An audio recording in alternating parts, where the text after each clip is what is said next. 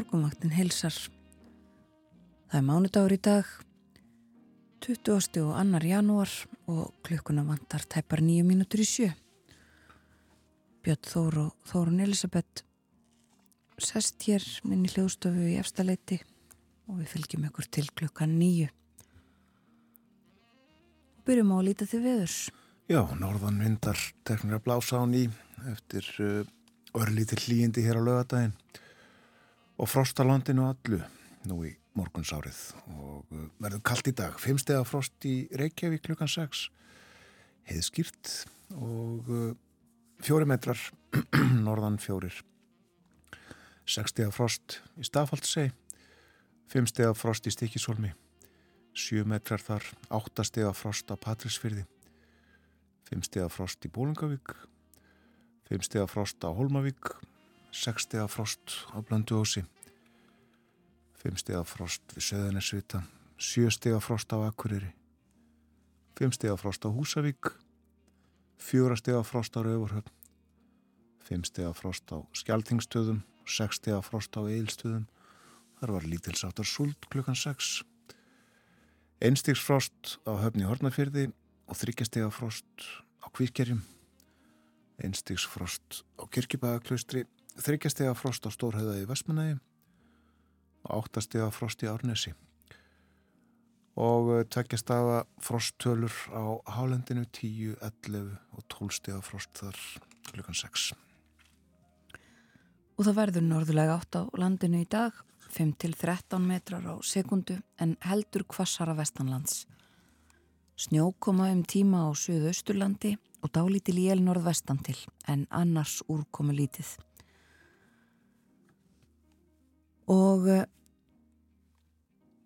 líka kvast uh, á Östfjörðum 10 til 18 og það segir að frostið í dag verði á bylunu 0 til 10 stygg. Svo er útlitt fyrir umhleypinga og skiptast þá á allkvöss suðu vestanátt með jæljum og sunnan og suðaustanátt með rigningu. Spár benda til að sérstaklega mildari sunnanáttin geti búið með sér talsverða úrkomu. Ekki er óleglegt að einhverjar umferðartröflanir verði, sérilega á fjallvegum og heiðum, segir í húliðingum viðfræðings. Þetta á uh, við á morgun, ekki í dag. Það fer sem sagt línandi veðrið á morgun og uh, miðugudag kólunar svo ný á femtudag. Það er hálka víða á vegum og uh, sumstaðar þæfingsfærð til dæmis á Bröttubrekku og Fróðorheiði þæfingsfærð á vestfjörðum líka hálka á snjóþekja. Það er ófært á dinjendisheiði sem stendur. Og hálka á flestum leiðum á norðausturlandi ófært á Hólasandi og einni á Dettifossvegi og hálka á flestum leiðum á Östurlandi hálka á snjóþekja á öllum leiðum á Norðurlandi. Fæfingsfærð á Breiðamerkursandi og snjóþekja á flestum leiðum öðrum á Suðusturlandi og uh, hálka á Suðurlandi og flughálka millir steinar og víkur. Þetta eru skeitinn frá vegagerðinni þennan morgunin og það er ímislegt á dagskrá morgumvaktarinnar í dag uh, til dæmis tónlist Borgardætur syngja fyrir okkur fyrsta lag þáttarins þennan morgunin ég andir allt og allt og heitt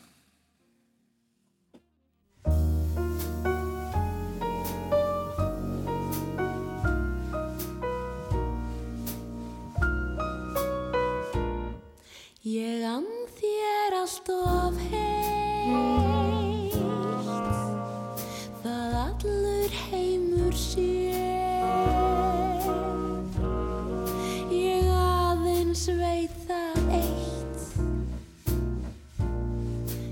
hjarta stjórnlaust er.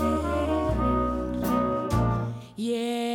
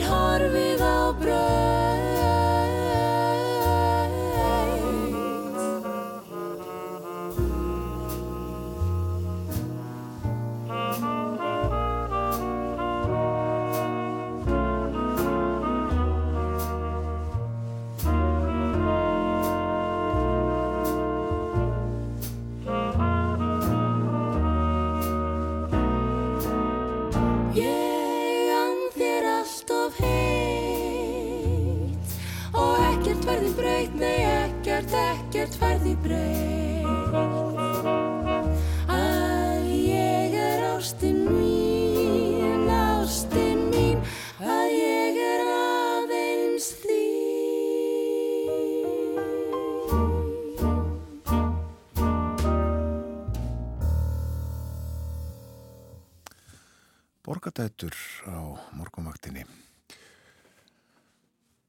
Andrea Gilvadóttir, Ellen Kristjánsdóttir og Berglind Björk Jónasdóttir. Það er uh, sungu þarna ræðið ég Anðir allt of heitt, læðið Erlend. Andrea gerði þennan íslenska teksta. Já, við ætlum að tala svolítið um efnaðasmál í þættinum í dag, Erlend málefni einnig á dagskrá og ólimpíuleikarnir, það stittist í þá. Þeir haldnir á þessu sinni í París. Förum betur yfir dagskrána eftir fréttinnar sem að koma hér eftir stuttastund. Þá lítum við líka í blöðin og uh, reyfum kannski aðeins upp söguna. Það eru sprellað á morgumvaktinni. En uh, fréttinnar framöndan og uh, tími til komin að ná sér í aðeins meira kaffi.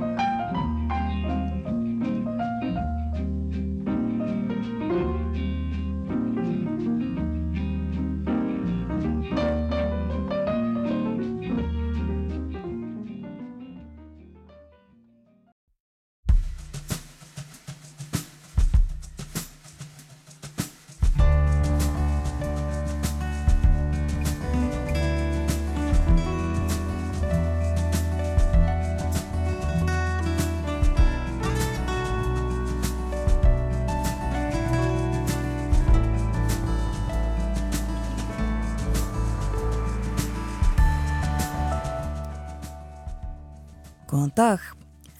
Morgunvaktin heilsar mánudaginn 20. og 2. janúar. Umsjónamenn þáttarins eru Björn Þór Sigbjörnsson og Þórun Elisabeth Bóadóttir. Við ætlum meðal annars að fjalla um efnahaglandsins í þættinum í dag, reyna að átt okkur á stöðinni, en er hér talsverð verðbólga og háir vextir og snurðarhlaupin á þráðin í kjaraviðraðanum. Og þá blasa við mikil útgjöld vegna Grindavíkur. Katrín Ólafsdóttir, dósent í Hagfræði við Háskólanni Reykjavík, verður hjá okkur klukkan hálf átta. Eftir morgunfrettir færir svo Björn Malmqvist frettamæður í Brussel okkur tíðindi úr stjórnmálunum í Evrópu. Póland, Úkraina og Þískaland koma meðal annars við sögu. Og frá Brussel ferðumst við rúma 300 kilometra í suðvestur til Parísar. Hálft ár er í að olimpíuleikarnir hefist þar í borg. Og þar munum meira en 10.000 íþróttamenn reyna með sér í fjölda greina og vonir á nokkrum miljónum gesta að fylgjast með. Undibúningur hefur staði lengi enda ætla frakkarnir sér að gera þetta vel. Við forutnumstum framkvæmdir og annað tengt leikunum Kristín Jónsdóttir, kennari og leðsögumæður í París. Parísar daman eins og hún er stundum kolluð. Hún tala við okkur í síma upp úr hálf nýju. Það er kallt á landinu í dag, frostið á bylnu 0 til 10 stig og uh, norðlæg átt. Norðvestan góla eða kaldi í dag en stinningskaldi eða allkvast á austfjörðum. Og jél norðan og austanlands en úrkomu lítið síðtegis og víða bjart viður á söður og vesturlandi. Dálítil jél þó annað kvöld vestan til, uh, segir í hugleðingu viðfræðings. Á morgun þriðudag verður söðu austlægða breytilega átt, 3-10 metrar á sekundu, skíð á dálítil jél en bjart viðri á norðaustanverðu landinu. Og það verður orðið frostlaust siðst á landinu á morgun, minkandi frost annar staðar og já hlánar sumstaðar. Það hlínar svo frekar á miðugudag, hitin þá 1-6 stig síðdegis, þá verður komin sunnanátt og eh, henni fylgir regning eða slitta en það verður þurft að kalla norðaustanlands. Og á femtudag þá kólnar í veðri á ný. Það verður svo frost á landinu á fastu dag og lögadag, línar svo aftur á sunnudag. Það eru umhleypingar í kortunum fyrir næstu daga. Færðin, eh, við förum yfir skeitin frá vegagerðinni úr öllum landslutum. Suðvesturland hálka eða hálkublettir á flestum leiðum. Vesturland þæfingsfærð á bröttubrekku, hálka eða snjóþekja á flestum leiðum. Vestfyrðir þæfingsfærðir á Vassfjörðarhálsi, Bjarnafjörðarhálsi og í Bitrufyrði og hálka eða snjóþekja á flestum leiðum. Það er ófært á Dinjandisheiði og norður í Árnesrepp. Á Norðurlandi er hálka eða snjóþekja á öllum leiðum og á Norðausturlandi hálka á flestum leiðum og eitthvað um snjóþekju ófært á Hólasandi og Dettifossvegi. Og það er hálka á flestum leiðum á Östurlandi, eitthvað um snjóþekju á útvegum, ófært á Öksi og Breitalseiði og uh, enn er lokað vegna örskriða í Vattarneskriðum. Nú, uh, Suðausturland Þæfingsfærðir á hringvegi um síðu og á breyðamerkursandi og snjóþekja á flestum leiðum. Suðurland flughálka millir steinar og víkur en hálka eða hálkublettir á flestum leiðum. Snjóþekja á nokkrum vegum. Svon er uh, ástandið á þjóðvegunum þennan morgunin. En uh, já, það er uh, nokkuð kallt víða en Fólkinu sem að sjá má á mynd á forsýðu morgunblaðsins í dag var eflaust ekki kallt eh, tekin af eh, gestum í bláa lóninu í gær þar sem að eh, starfsemi hefur hafist á nýjan leik. Baða sig í afrensli svartsengis þar sem land rýs án afláts, segir hér. Og uh, svo er hérna líka sagt frá því sem var í réttunum hjá okkur í sjónvarpinu í gær en vegagerðin hóf í gær kortlagningu jarðvegs í Grindavík með sérstakri jarðsjá. Og uh, sérstakku dróni var fengið til landsins uh, og þessi jarðsjá bundin í hann og honum flóið yfir bæin og uh,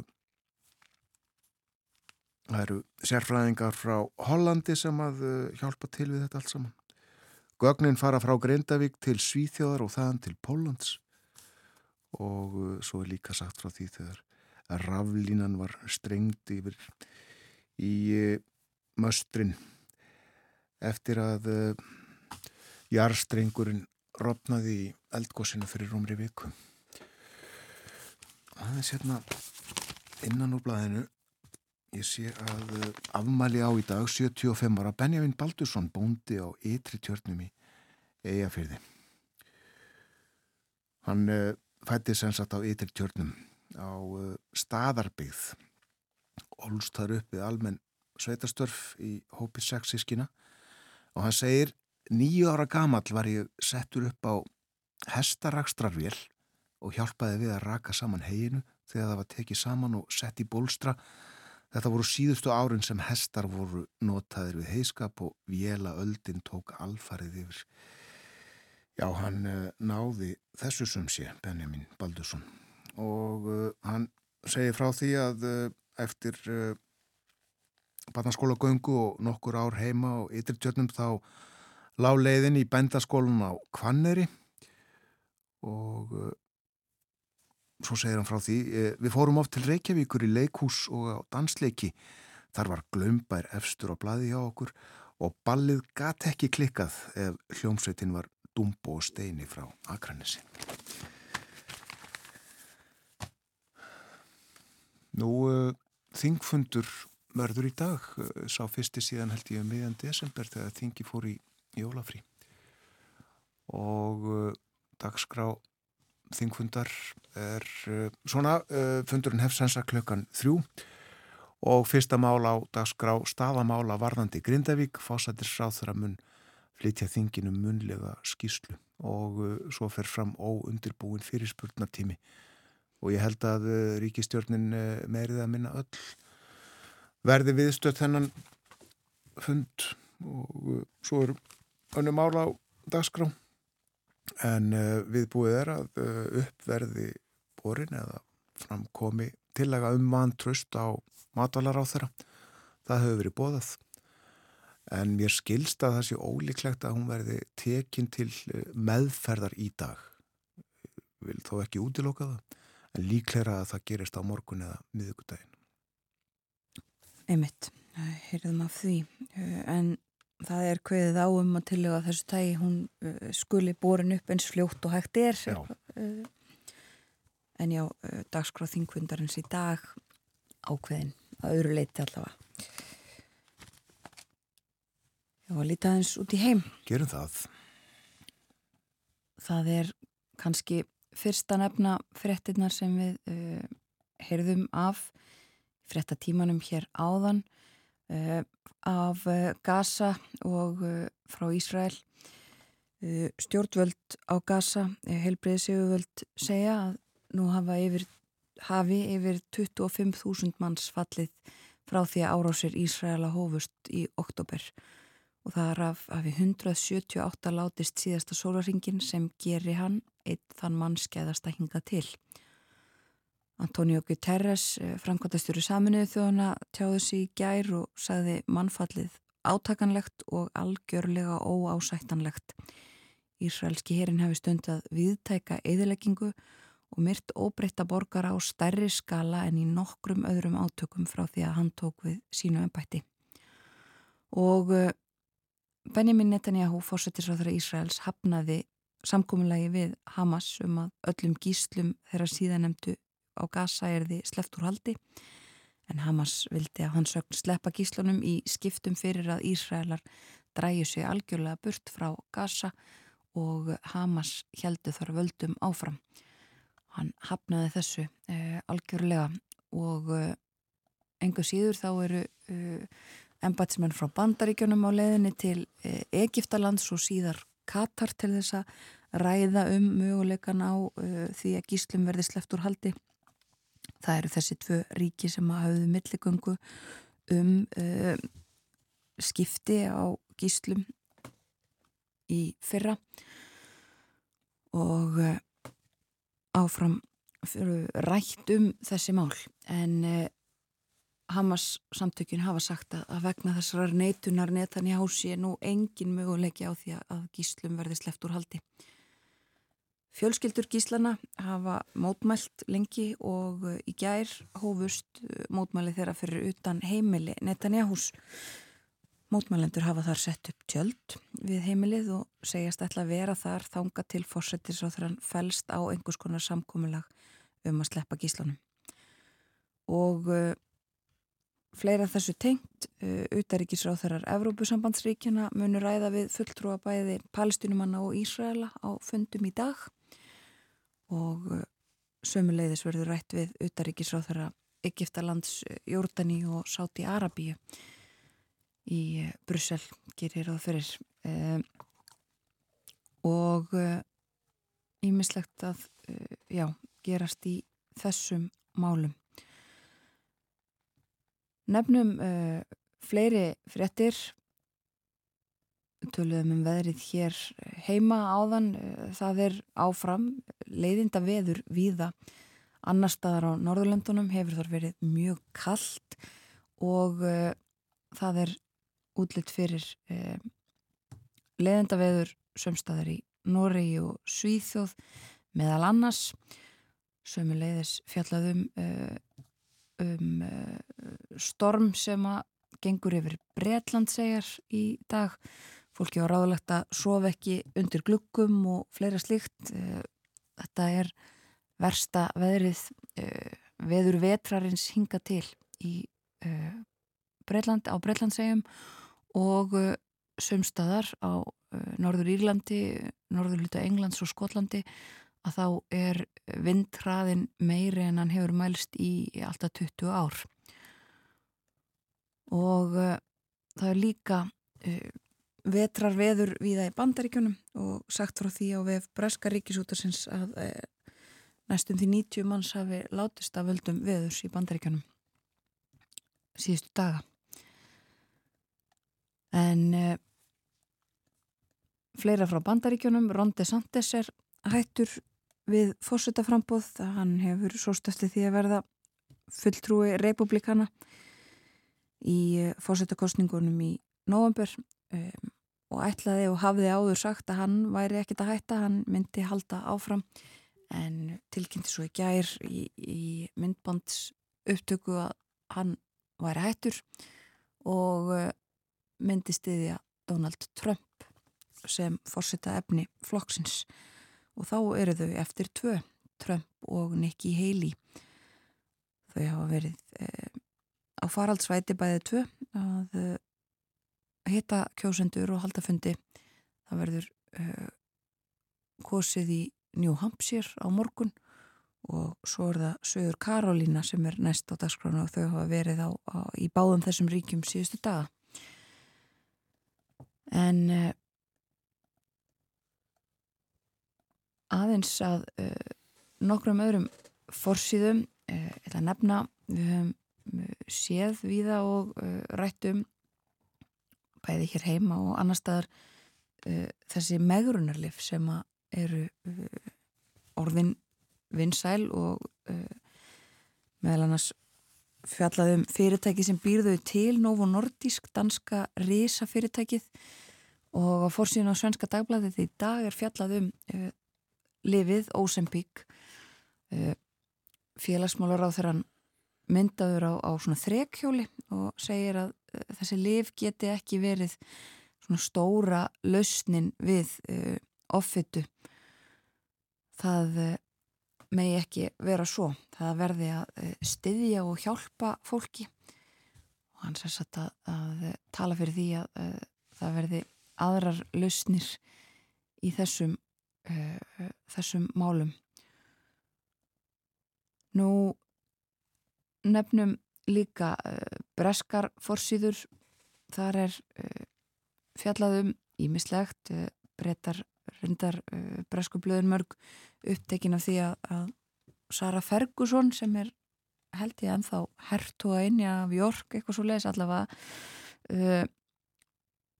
tilherir svona fjölmiðlana megin ennþá bresku konungsfjölskyldinu hún er með uh, eh, húkrabaminn og þetta tala breytar um mikið. Uh, kemur í kjölfari þess að bæði Karl konungur og uh, Katrín prinsessa af Veils þurfa að leggjast henn á spítal og fara í aðgerðir. Katrín fór í aðgerði síðustu viku Karl í þessari viku og mikið verða að velta þessum málum upp. Eh, heilsu og eh, stöðu mála í eh, bresku konungsfjölskyldunni. En segjum þetta gott í byli við ræðum með þetta Erlend málefni við Björn Malmqvist hér og eftir og sömu leiðis í síðasta hlutu þáttarins þá fyrir við til Fraklands og tölum um fransk málefni. Það er alltaf, alltaf öðru en í gær 20. og 1. janúar þá voru liðin 35 ár síðan spöggstúan fór á stað með stöðina í sjónvarpinu 89 á stöðinni. Þeir Karl Ágúst, Örn, Sigurður Pálmi og Randver leku þar við kvötsinn fingur, ég held að sjá þetta að segja það. Ég man nú ekki í hver mörg ár spökstofan sprellaði í sjónvarpinu en mörg voruðu.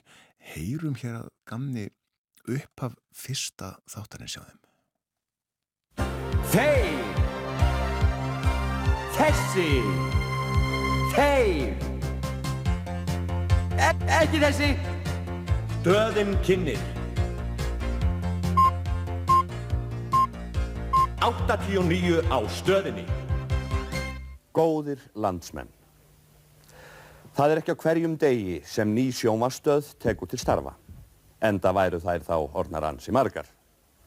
Því má með sanni segja að við stöndum í dag á miklum tímamótum Þar sem ný stöð, stöðin, stöð sem ekkert stöðvar, stöðug stöð, stöð gegn stöðnun, tekur sér stöðu og býst til að taka þátt í kapplaupinu um hilli almennings. Og við göngum þess ekki dölinn að samkeppnin er hörð.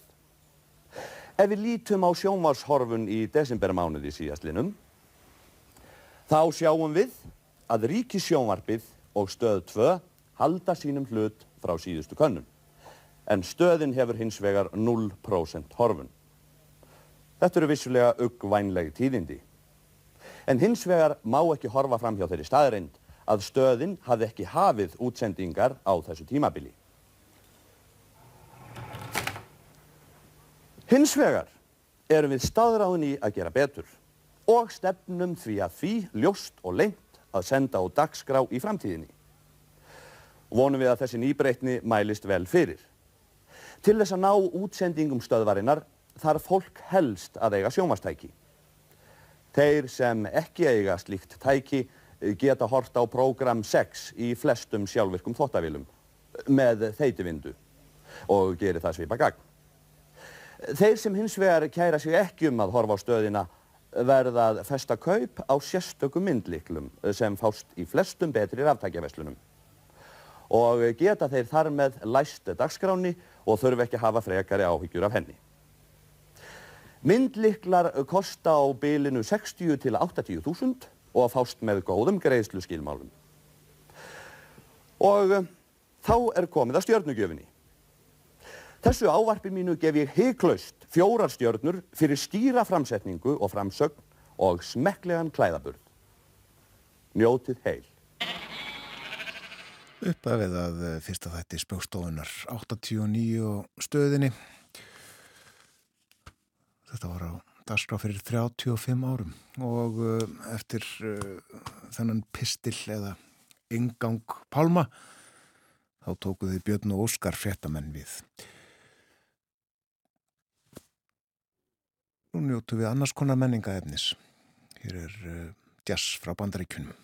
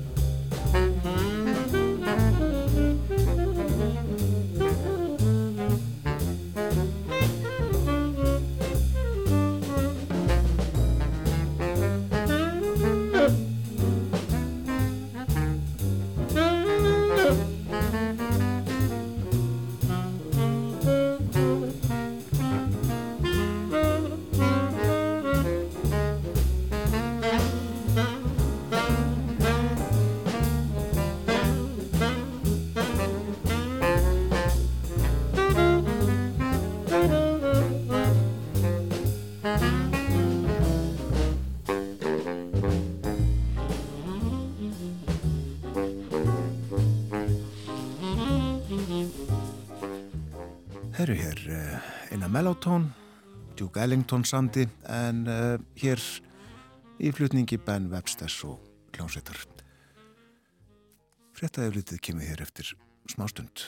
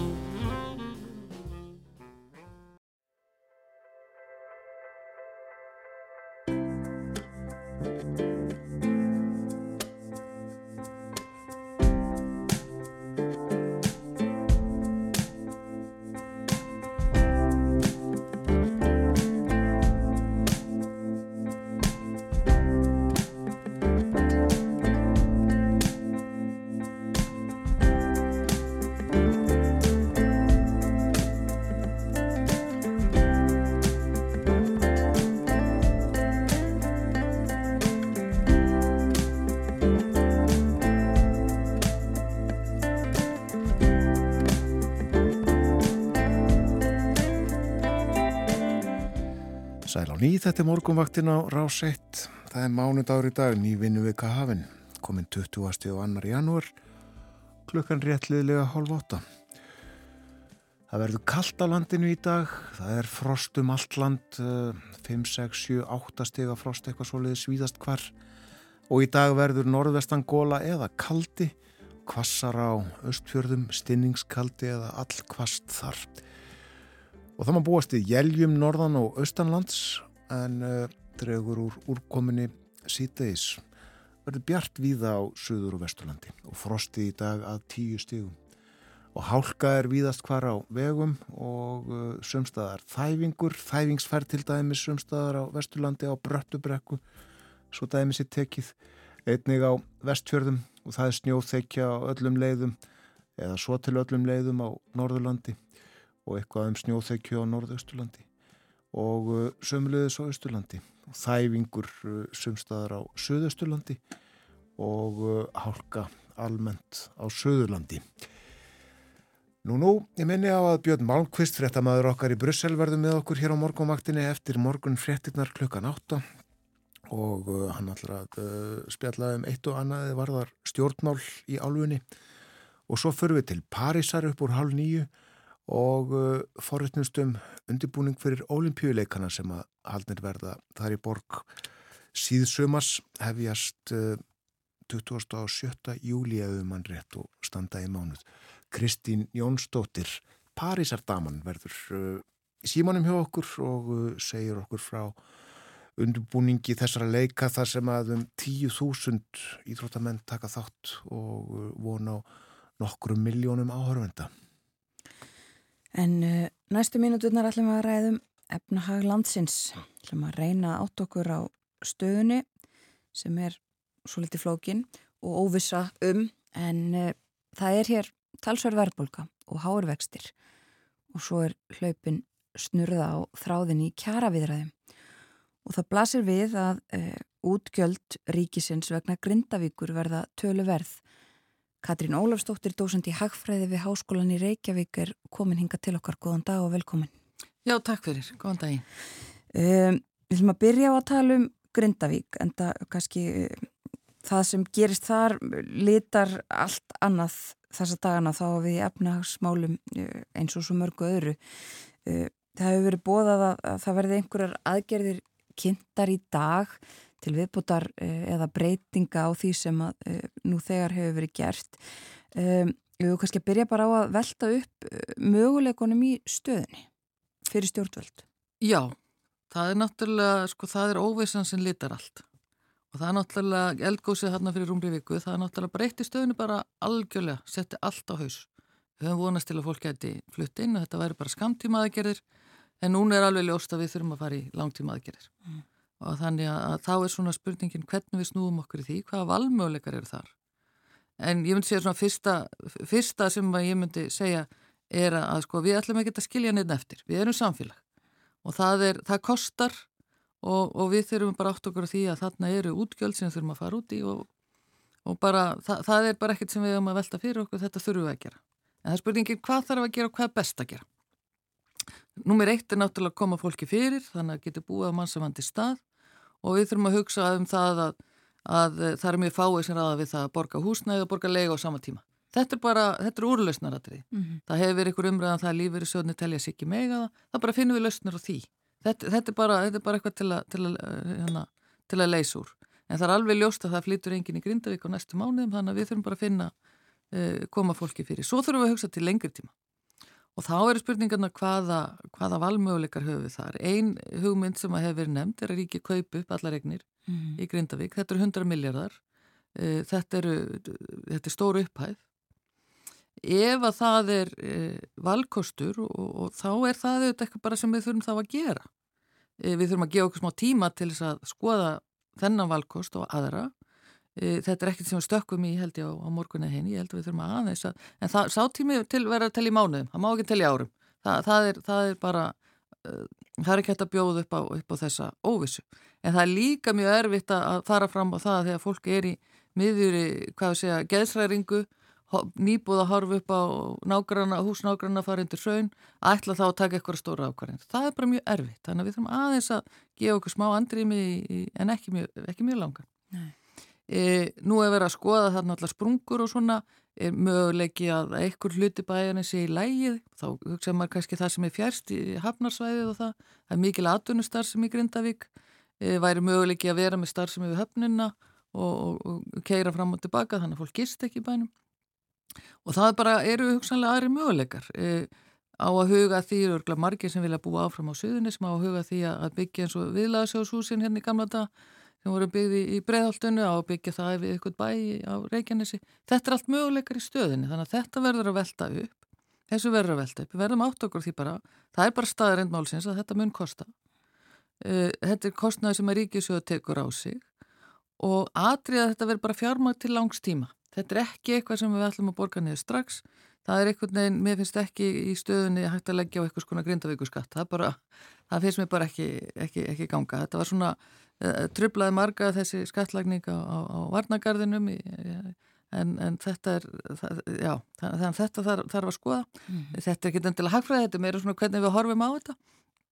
En uh, þetta er bara, bara ákvarðin sem þarf að taka, það þarf að taka þér fljótt og öruglega vegna þess að óvissan er gríðarlega, við getum ekkert gert í því hvað náttúran er að gera þarna undir nýri en við getum reynda að sjá til þess að svona efnaðslega farnist grundíkingu vel Já. og það er okkar skilda bara sem samfélag. Þetta hefur ekki, ekki endilega með svona hagfræðilega útreikninga að gera. Það er ekki það, er ekki það. Þetta, er bara, bara samtryggingin sem við viljum, við viljum búa við. Já. og þetta er samfélagi sem við viljum. Akkurat, uh, við ætlum ekki að skilja fólk eftir, segiru uh, og um, það þarf já, það verður bara að gera þetta, það mun kosta og þannig að það er ekki, ja, eða er möguleiki þá bara einhvern veginn, er hægt að setja svona lagað bara einhver staðar svona til hliðar í, í, í ríkisbókaldinu, hvernig er þið það gert? Uh, fjármögnum til langstíma, segir þau? Já, ég, ég er eiginlega að hugsa um þetta fer náttúrulega bara eigu skuldi ríkisjós og ég er nú að hugsa að það sé ekki svona að hugsa um það að við ætlum að borga það niður alveg 1-3 heldur þetta sé bara eitthvað sem við hugsa um ok, við ætlum bara að borga þetta yfir, yfir tíma. Já.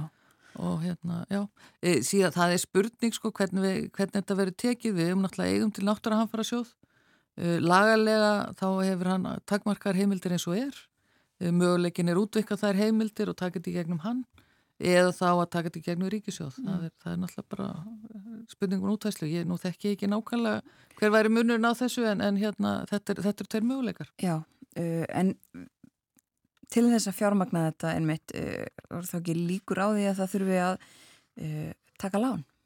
Algjörlega, það, er, það verður að taka lán. Hvers við tökum það einanlands eða ellendis eða, eða hvar sko. Já, og það eru alveg einhverju möguleikar í stuðinni þar fyrir ríkið. Já, já, já, já, já, já ég held að það sé við höfum alveg lánsafi annar staðar en, en þetta hefur verið stefna ríkistónarinnar að minka, minka skuldi ríkisjós en í þessu tilfelli þá bara verður við að horfa að ræða því. Já, og þér hugnast ekki einmitt eh, að þetta erði eh, þá einhvern veginn fjármagnað einhvern hluta með því að uh, skatleggja aðra eða, eða skera niður annar staðar til þess að fjármagna þetta? Ég held að það sé ekki, ekki, ekki eins og staðan er í dag. Það held ég, það held ég ekki sko. Það, það er, þetta er bara hluta því eins og segja, vera samfélag og þá ætlum við að bara, til þess eru við með ríkisjóð, til þess eru við með þennan buffer þarna, að, að hann er til þess að mæta, mæta svona áföllum. Já.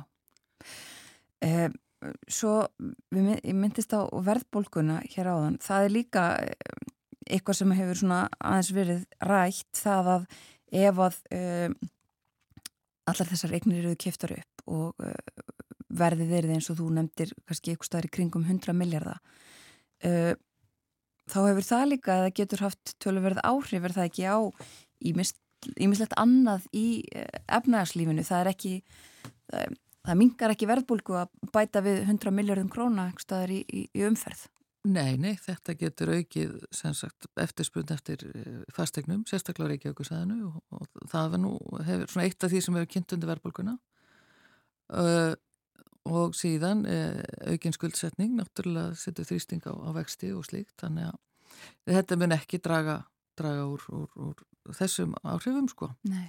Það var von okkar að við undur ná nýju verðbólguna aðeins en það er, það mun taka lengri tíma heldur en heldur en kannski áallega var. Já og það er bara þannig, það er ekkit sem hægt að vera að gera annar staðar eða til þess að breyta því. Það var hægt að fara í, kannski niðurskurði eða eitthvað, ég mæla ekkert sérstaklega með því sko, ekki, ekki eins og aðstæðanar eru. Nei, frekar að við, við þurfum bara að setja okkur við það að það tekir lengri tíma að ná niður verður. Ég, ég held að það sé bara, já, já. þetta er bara áfall, tökum því, vinnum úr því, þannig að þetta er bara, já, við bara búum í eldfjallalandi og, og þú veist, þetta er svona, já, Mm -hmm. þetta, bara, þetta, þetta, þetta verður aukinn þrýstingur á verðbólkuna, þetta verður aukinn þrýstingur á, á fastegna verði Reykjavík. En þetta er bara, já, við bara verðum að vinna með það. Já, þá kannski uh, færumstu yfir í annað sem við ætlum að ræða sem eru kjærasamningar og þeir hafa nú verið talað um það að stefna að samningum sem að miða því að draga úr verðbólku og svo um, er já, svo við nefndum, eða sögðum áðan svona snurðarhlaupin og þráðin það e, gekk vola vel svona framanna virtist vera e, gerir það ekki núna í, í þessum e, viðræðum á milli breyðfylkingar, verkalýsfélaga og, og samtaka atvinnulífsins. Hvað hérna, ég bara hvað segir um stöðuna þar? Það er bara önnur óvisa þar, það er bara ennþá með meiri óvisu og óvisu en já þarna virtist vera ganga vel og það var svona vonin og það er svona eitt sem að, svona, maður alltaf vonast til að, að samningur tækir við að samningi, það er að segja verði samið að samningur rennur út, það er vonir eru nú ekki miklar, það er bara örfáða dagar eftir. E, þarna var e, hugsuninn að stór hluti vinnumarkaðarins myndi semja og já, já, virtist ganga vel en núna er eitthvað, eitthvað komið babi í bátinn. Það sem var líka, það var mikil ónæg meðal þeirra sem stóðu utan þessar breyfylkingar og það kannski hefur litað vantanlega eitthvað leiti. E, það sem við erum kannski erum að horfa á núna er það búið að vera síðustu kjærasamlingarna með að því að hækka lægstu laun.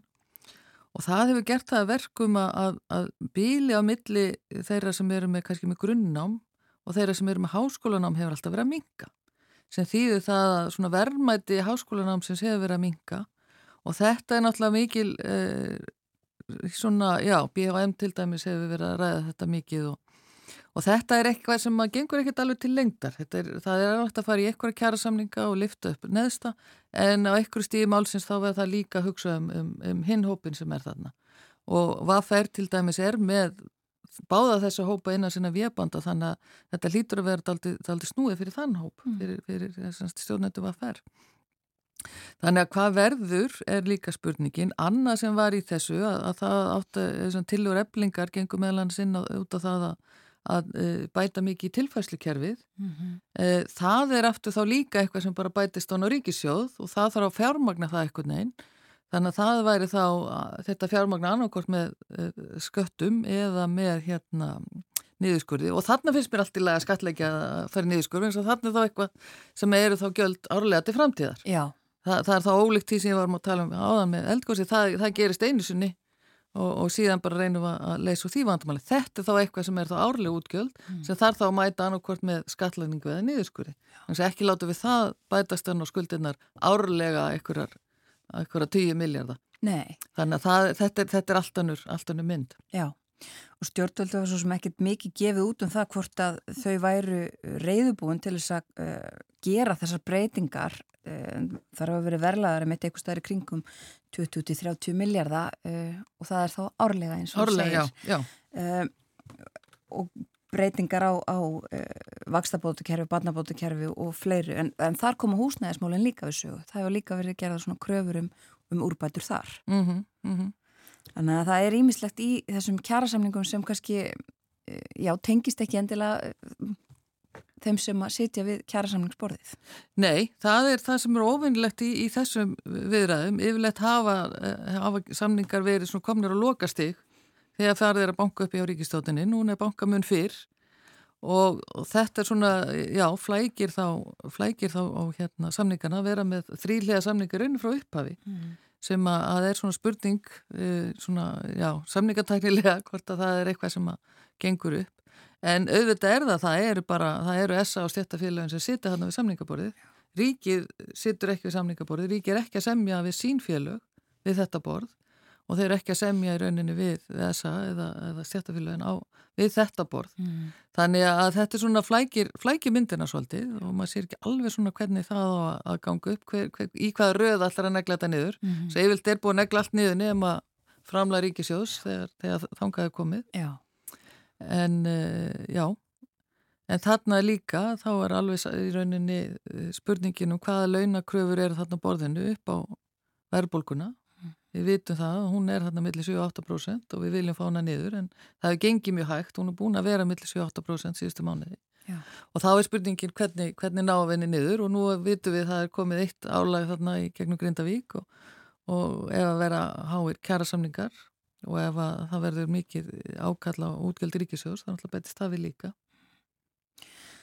Og þetta eh, allt hefur áhrif í rauninni í þátt að, að viðhalda verðbólgunni frekar heldur en að draga orðinni Það fyrir eftir hver launatörn að lenda sko. það, það, er, það er stóra spurningin í þessu. En, en maður óttast auðvitað að það verði, verði þrýstingur. Já, uh, já En á móti kemur, það er gott ef að það næst ná samninga til leng lengri tíma. Það hafa verið, verið talað um, um langtíma samninga þarna og, og, og það er bara mjög jákvægt. Mm -hmm.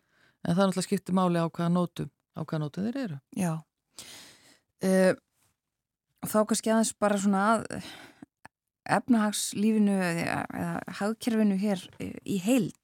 Uh, þetta spilar auðvitað allt saman og eitt sem við kannski nefndum ekki áðan var að grindavík eru líka mögulega áhrif á ferðarþjónustuna sem er náttúrulega uh, resastór þáttur í þessu öllu saman og þau geta verið mikil og það er líka óvisa þar hver áhrifin verða? Já, þar er, þar er önnur óvisa ég, maður hefur bara heilt sögurnar af því að fólk sem hætti við að koma til Íslands í Eh, eftir, já, góðsið hann í november mm -hmm. sem stóði í, í tvo daga þannig að, að það var kannski ekki ástöðla að hætta við ferðir en, en þetta hefur, hefur áhrif mm. og við vitum alveg hvernig þetta er þegar byrjar, já, ég og vini Erlendis í hversin sem byrjar góðs þá spyrir alltaf leið með þig og manni finnst þetta alltaf, já, bjónuleg spurning en, en þetta hefur áhrif, fólk mm. heldur að, að þá sé bara allt, liggi allt undir þannig að, já, þetta er náttúrulega óvisa og náttúrulega bláarlónið er náttúrulega stór þáttur. Við veitum að mjög margir af, af uh, hérna, uh, ferðamönnu uh, ferðarfólki fer í, í bláarlónið þannig að þarna, jú, er, er klárlega óvisa mm.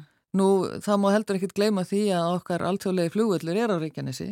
Þannig að það er líka þannig að, að núna svona áttumar kannski heldum fyrst eftir þessi þrjú litlu gós að þetta væri bara svona, að halda fram svona á þeim, þeim nótum. En nú virðist bara vera allt mögulegt þarna á, á Reykjanesinu þannig að spurningin hvort við þurfum að ganga svo langt að huga öðrum alþjóðlega flug, flugvelli ég ætlum ekki að vera með svona dómstæðsbár núna en, en þetta er svona bara eitt af því sem við þurfum að, þurfum að huga en já, satt, það er, það er alveg rétt og satt að þetta getur haft mikil áhrif á, á ferðarþjónustu og þá tekjur okkar. Já, getur við þá eitthvað hort fram á veginn og, og spáð fyrir um eitthvað eða svona hvað er mögulegt að verði á þessu ári?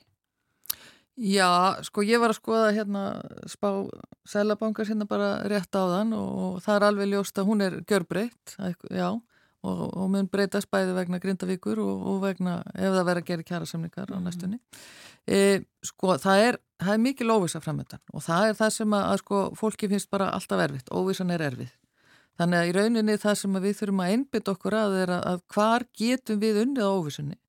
við getum reynda að lenda kjærasamningum, við getum reynda að setja upp program með hérna Grindavík sem er vonandi það sem að Ríkistjónin ætlar að tilkynna í dag. E, en það er bara allskeins óvisa sem við ráðum bara ekkert við. E, það er að segja náttúrann við ráðum ekkert við hanna, það geta komið utan að komandi áhrif nú náttúrulega stríð í Evrópu og, og þetta e, þannig að en, en sko það er kannski það sem við erum að einbjöta okkur að. Hva, hvaða óvisa getur við eitt og annað er bara eitthvað sem við, sem við ráðum ekki við. En e, við komumst nú alveg út úr þessu en, en það, við, það verður meiri skuldir ríkisós í loka ársheldun er í dag. Það, það er eina sem ég get lofað held ég. Já, látum það vera loka orðin. Takk fyrir að vera með okkur á morgunvaktin í dag Katrín Ólarsdóttir, dósend í Hagfræði við Háskólan í Reykjavík. Og við hlustum á lag. Þetta heitir Rise Up Június Meivand flyttur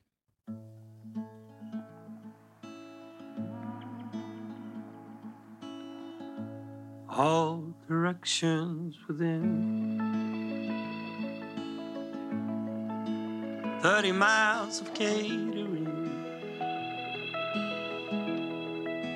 no sign of order. You rise up,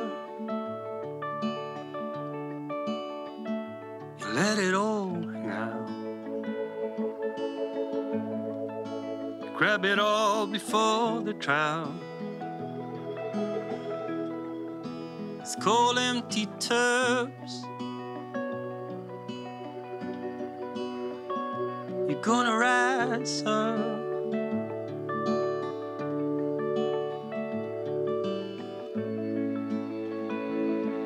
I play it. Well, both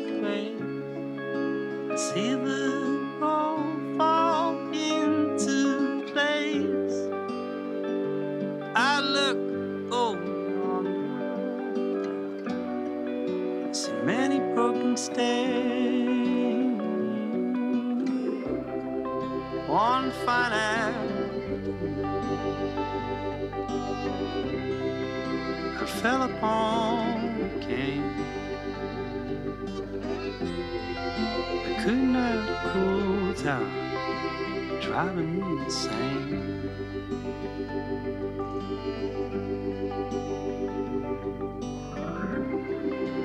Playful afternoon,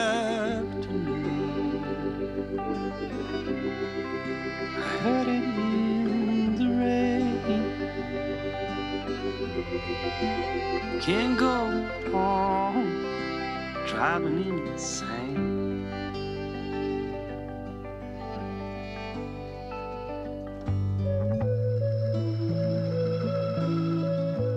All the funny people say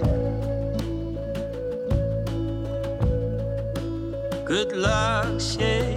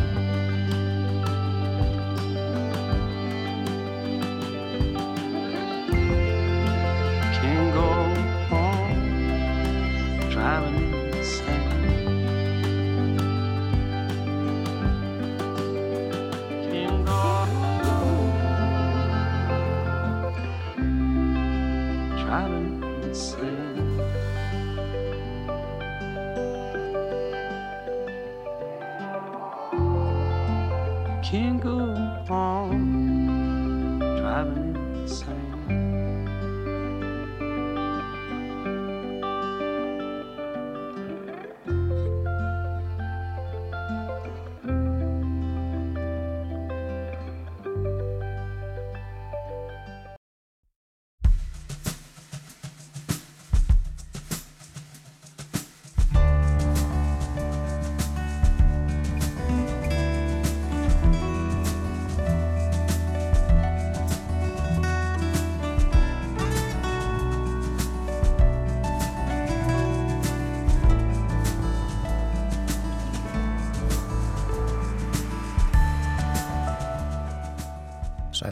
Þetta er morgunvaktin á Rás 1, klukkan farin að ganga nýju, það er mánudagur í dag 20. og 2. janúar.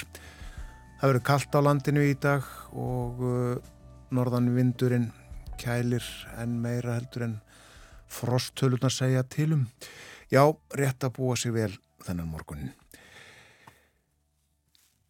Við ætlum hér næstu mínútur að uh, fjalla um evrósk málefni, stjórnmál í álfunni, uh, til dæmis um uh, stöðumála í Pólandi en uh, ríkistjórn Donald Tusks hefur verið við völd þar núna í rúman mánuð. Við ætlum líka að fjalla um Úkrænu en málefni Úkrænu verða til umfjöllunar á fundi leðtóa Evrópasambandsríkjana í Brussel nú í byrjun nýs mánuðar.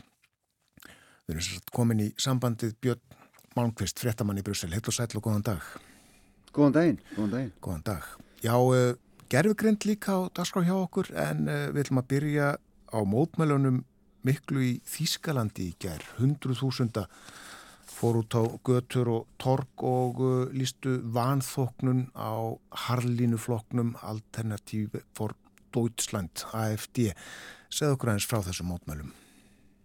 Já, þetta, voru, þetta var bæði í gæra og í fyrradag eh, mörg hundru þúsund manns í rauninni sem, að, sem að, eh, svona samtals eh, sem voru í, á mótmálansamkomum í, í Berlín, í München, í Frankfurt, í, í Hamburg og svona öllum stærstu og helstu borgum uh, Þýskalands og, og, og minni borgum og bæjum um líka. Þetta er mjög almenn og mjög útbreytt mótbæli sem að gengu út á sko, það að fólk var að lýsa sinni vanfóknun á, á þessum flokki, eh, sem sagt AFD, Þýska þjóðarninsflokksum sem ég hef stundum kallað, um, eftir að fréttir fór að berast af því að, að, að sem sagt, fólk frá þessum flokki var á afar sérstökum fundi sem var haldinn í nóvember í Potsdam nálagt Berlín þar sem að eh, þeir, það voru allavega þrýr frá AFT og, og, og líka hann að menn frá öðrum svona, já ég vil segja afga hægri samtökum í Þýskalandi og reyndar í Östuríki líka sem voru að tala beinleginis um og leggja á ráðunum sko hvernig, ef að þeir kemist einhvern tíma til valda, hvernig þeir myndu sko koma útlendingum út úr Þískalandi, jafnvel sko, jafnvel fólki af ellendum uppluna sem að, þú veist, er með þýsk vegabref og eru þýskir ríkisborgarar. Uh, þetta er náttúrulega, eh, við tekjum öll sögu Þískalands, þetta vekur upp náttúrulega mjög óþægileg hugurlenga tengsl við, við, við, við valdatím nazista sjálfsög. Já. Artur Björgun sað okkur einmitt frá þessum daginn, þessum fundið þarna í november. En uh, AFD nýtur nokkur er hilli í Þýskalandi? Jú, hann er búin að vera vaksandi í skoðanakonunum á undanförnum mánuðum, ekki síst vegna þess að, að þessi þrýlita stjórn eins og stundum köllu, hérna sósíaldemokrata, græningja og frjálstendra hefur ekkert verið neitt mjög vinsæl og, sjö, og svona, ef við segja, sambúðun á stjórnarheimilinu hefur ekkert gengið neitt vola vel og svona það er svona vandræði efnaðansmálum í, í Þýskalandi og, og, og hérna mikil mótmælum daginn til dæmis sem að, að bændur stóðu fyrir. Sko AFD hefur þess vegna verið rýsandi í skoðanakonunum þeir hafa verið að mælast með 22-23% fylgi í bara skoðanakonunum á síðustu vikum sem er sem að, sem að, sem að, setur þá í, í sko annað sætið yfir, yfir flokka í Þískalandi þannig að sko ég veit ekki hvernig hvað áhrif þessi mótmæli hafa, ég menna ég ger ráð fyrir því að, að fylgismenn flokksins hafa vallega verið að mæta á þessi mótmæli. En það verður kannski komið ljós hvernig, hvernig fylgjans stráast, ekki síst svona í ljósi þess að það eru kostningar í, nokkrum fylgjum Þískalands þar á meðal í svona þessu gamla austu Þískalandi setna á þessu ári. Og, og þar hefur flokkurinn alltaf haft, þessi flokkur alltaf haft fyrir svona sterkastöðu. Já, fyrir líklega dýbra í þetta á morgun í Berlínarspjalli með Artúri Björgunni Bodlasinni en uh, við skulum snú okkur að öðru utaríkisráþeirar uh, Európusambandsríkjana funda í Brussel í dag. Uh, hvað ber hæst á þeim fundi? Já sko, Úkræna er auðvitað alltaf ofalega á dagskráð þessara ráðfra Dimitri Kuleba, auðvitaðriksráðfra Úkrænu, hann verður með á fundunum og hann pressar örugla á um að, um að Európa-sambandi standi við eh, þessi áformum langtum af stuðning en, en málið sem ber sennilega hæst í dag er, er staðan fyrir botni meðranhafs. Uh, eh, þetta er sérstakur fundur í dag því það koma hingað sko auðvitaðriksráðfra Ísraels, Sáti-Arbi, Egiptalands, Jórdaníu og, og Palestínu, reyndar ekki allir á sama tíma og e, sko það eru og hafa verið fréttir á kreiki um það að, að sko ráþæra hópurinn ætlaði að móta tillögur sko Európa-sambandsins um að búa til einhvers konar áætlun, einhvers konar svona gullrót og svipu til að þrýsta á, á viðræður sem að feli í sér mótun stefnu í áttina að tveggja ríkja laust þar að segja Ísraels og Palestínu sem að núverandi stjórnvöldi í Ísrael náttúrulega vil ekki ræða um þessa myndir það komi ljósum um helgina í orðum Benjamins, uh, Benjamins Netanyahus en, það er nokkuð ljóst að það er málið sem verður rætt hérna í dag og Joseph Borrell, auðvitaðriksmálastjóri í ESB, hann kom hérna fram í morgun eða að kom hérna að fundin í morgun og, og rætti við fréttamenn og hann sko hétt því að hann ætlaði að hætta að tala um friðar áallinu, hér eftir ætlaði hann bara að tala um tveggjaríkir á, áallinu þannig að, að það er nokkuð ljóst í hvað, í hvað stefnir á, á þessum fundi held ég. Já. Og svo koma leðtóðar Európusambatsins saman í Brussel uh, í upphafi næsta mánadar, uh, næstu viku og uh, þar verður tekist ávæntanlega um afgryslu á, á stuðningspakka fyrir Úkrænu sem stóð til að ljúka við í desember. Við höfum rætt þetta, það tókst ekki vegna andstöðu Viktor Sorban, fórsettir að þurra Ungverilands. Já, hvað er nýtt í þessu núna? Hver er staðan? Já, staðan er þannig að það hafa verið viðræður í gangi við, við Ungverja og það hafa svona verið einhverjar, einhver orðrumur og einhverjar svona fréttur um það að, að Ungverjar verður til í að samþykja þetta með því skilir þið að að sko, þess, að, sko þessi eru skipt upp í sko upp í pakka sem eru samþyktir á hverju ári í staðin fyrir sko pakka sem átt að samþykja til fjögur ára, það er sér langtíma stöðning uh, upp á, ég man ekki, ég held að sé 50 miljardar, ef ég man rétt, evra sem að, að stóð til að, að, að setja inn sjóð til þess að svona gefa einhverja festu og einhverja langtíma Eh, svona, svona, svona langtíma skipulag fyrir, fyrir stuðning ESB gagvart Úkrænu. Uh, menn er ekkert rosalega hrifnir af þessu að því að kannski aðalega vegna þess að, að sko, ef þessu eru skipt upp í árspakka þá fengi ungverjar tækifæri á hverju ári til þess að til þess, til þess að taka til gíslingu og, og hérna, pressa fram einhverjar aðrar kröfur sem þeir hafa sem hefur gæst af og til og reynda mjög oft uh, gagvart ungurum á, á undanförnum árum. Þannig að sko það er ekki ég held að það sé ekki kannski lausnin sem að verður ofan á mögulega verður þetta á endanum samþygt sko, með semingi ungverja. Það er líka spurning hvað Robert Fico sko, fórsettisræðar Slovakíu gerir. Hann var að koma fram um daginn með Orbán og líst yfir einur um stuðningi við hann og var endur að tala um að Úkræna þurfti að fara að semjum að gefa eftir land til, til rúsa og eitthvað áleika um, spurning hvað Fico hversu öflugur leðspaður Fico verður með Orbán í, í þessu máli en það er alveg ljóst að sko Evrópussambandi er tilbúið til þess að afgræða þennan pakka án ungverja uh, sérst Úrsula von der Leyen fórseti frangatastöðnarinnar hún tók af einlega öll tvímælu um það þegar hún var í viðtali í, í Davos uh, bara núna rétt fyrir helgi, við skulum meira hvað hún hafa að segja I think it's very important uh, to engage with all 27 member states of the European Union to get um, the 50 billion euro for four years for Ukraine up and running. Um, and this is the phase we're in right now. It's the preparation for the extraordinary European Council on the 1st of February. It's hard work. We have discussed many different issues. For me, it's very important, and my personal priority is to have an agreement by 27 uh, if this is not possible, we are prepared for an agreement by 26, but I strongly support and uh, prefer an agreement by 27.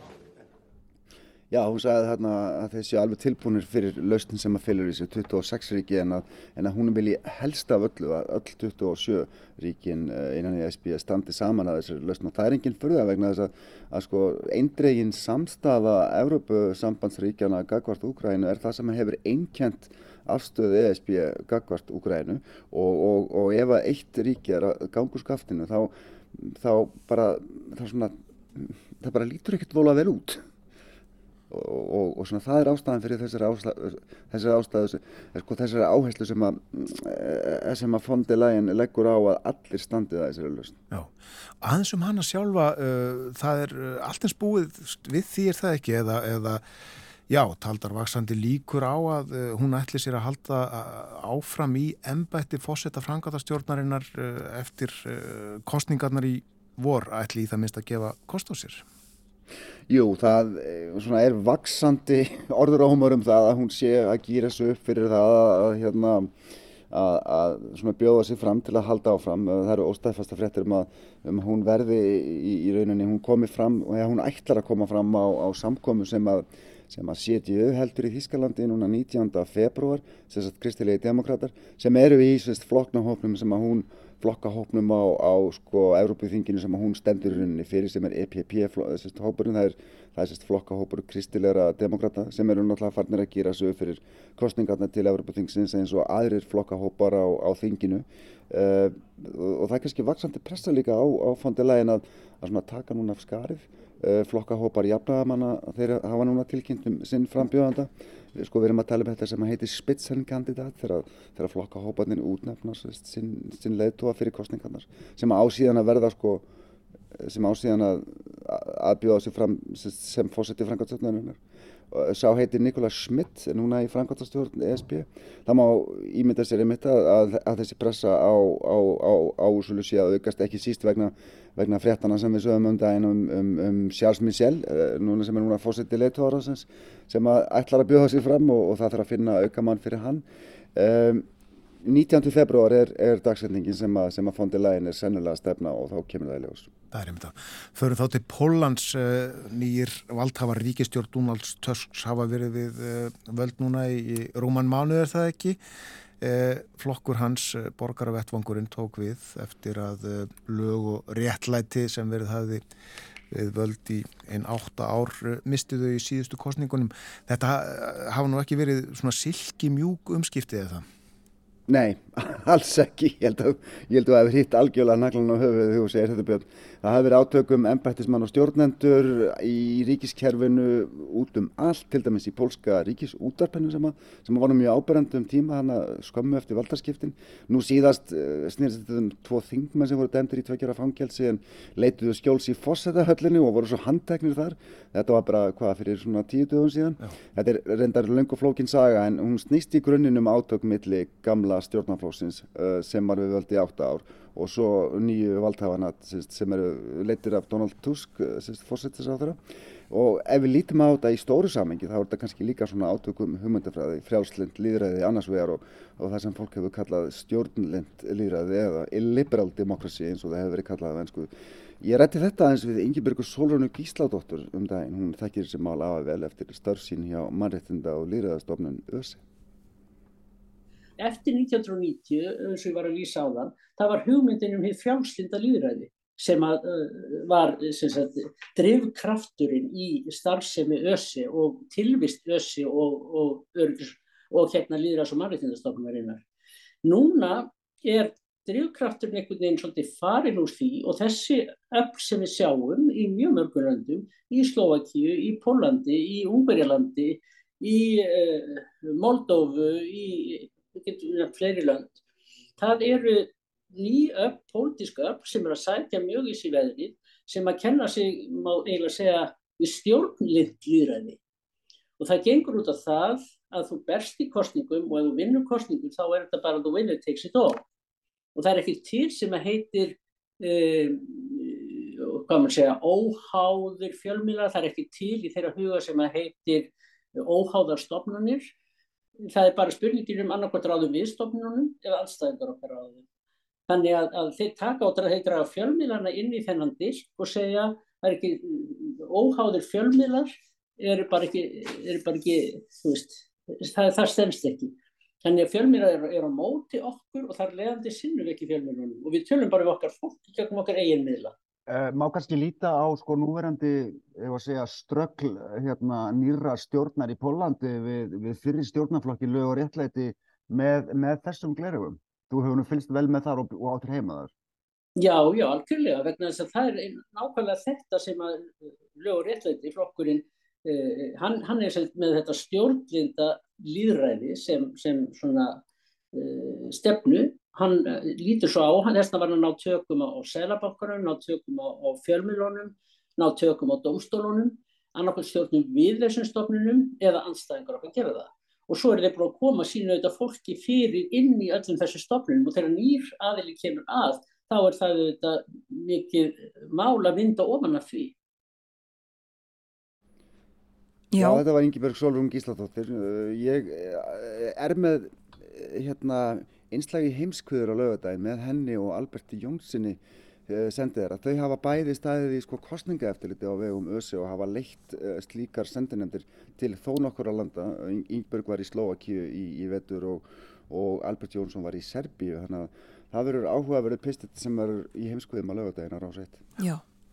Og að lókum Björn uh, gerfugreind og málefni henni tengt hafa verið talsverð til umfjöllunar á undarförnu og í síðasta mánuðin að samkúmulag innan ESB um lagaramma utanum þessi mál sem að gengur talsverð út á nöðsinn þess að takmarka nótkun gerfugreindar til dæmis hvað var þar eftirlit með fólki. Já, þetta er stort og mikið mál sem að muni á vendanum sterta sko, sko starfsemi teknifyrirtækja og, og mannlífið á Íslandi líka það maður búast við að þessi lagarami ESB verði innan nokkur ára tekin upp heima. E, ég talaði um þetta við Sóli Mortens, hún er sérfræðingu hér í Brussel á vegum Háskóla, Yðnaðar og Nýsköpunarráðurðisins. Hún sagði mér að þessi lögjöf, hún er mjög viðtæk en hún nær þó ekki alveg til allra sviða mannlífsins, heyrum hvað Sóli hefði að segja. Það myndi vera sé, varnarmál og, og hernaðmál, það er svona military standard, hann er ekki þarna inn í þessu og auðvitað er hún ekki hugsuð gagvart einstaklingnum per se. Hún er hugsuð sem, sem sé, eftirlit með tækninni og veitendum og þróun á tækninni, hún er ekki ætlað að taka til veist, annara þátt en þess. Mm -hmm.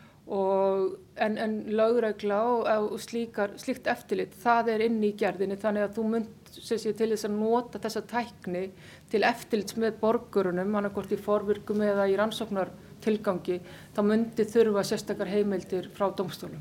Sko maður ímyndar sér gerfigrindin sem að, þú veist, sem að horfir á, á andlit í einhverjum eftirlitsmyndavilum á fjölförnum stöðum að, að, að það sé hægt að nota hann til þess að finna fólk. En það þurfti þá í rauninni, sko, í rauninni eftirlit, þú veist, sjálfstæra domstóla til þess. Já, eins og, eins og ég er að skilja, nú, nú myndi ég aftur ítrykka ég er ekki lagfræðingur en já, ég skilja það þannig að þetta sé, sé, sé það þurfi domstóla til þess að uh, domsvaldi þurfi að, að samþykja slíkt eftirlit og dæmum það má pinna í því að, að Frakland mun vera með svona eftirlit í París í kringum olimpíuleikana mm -hmm.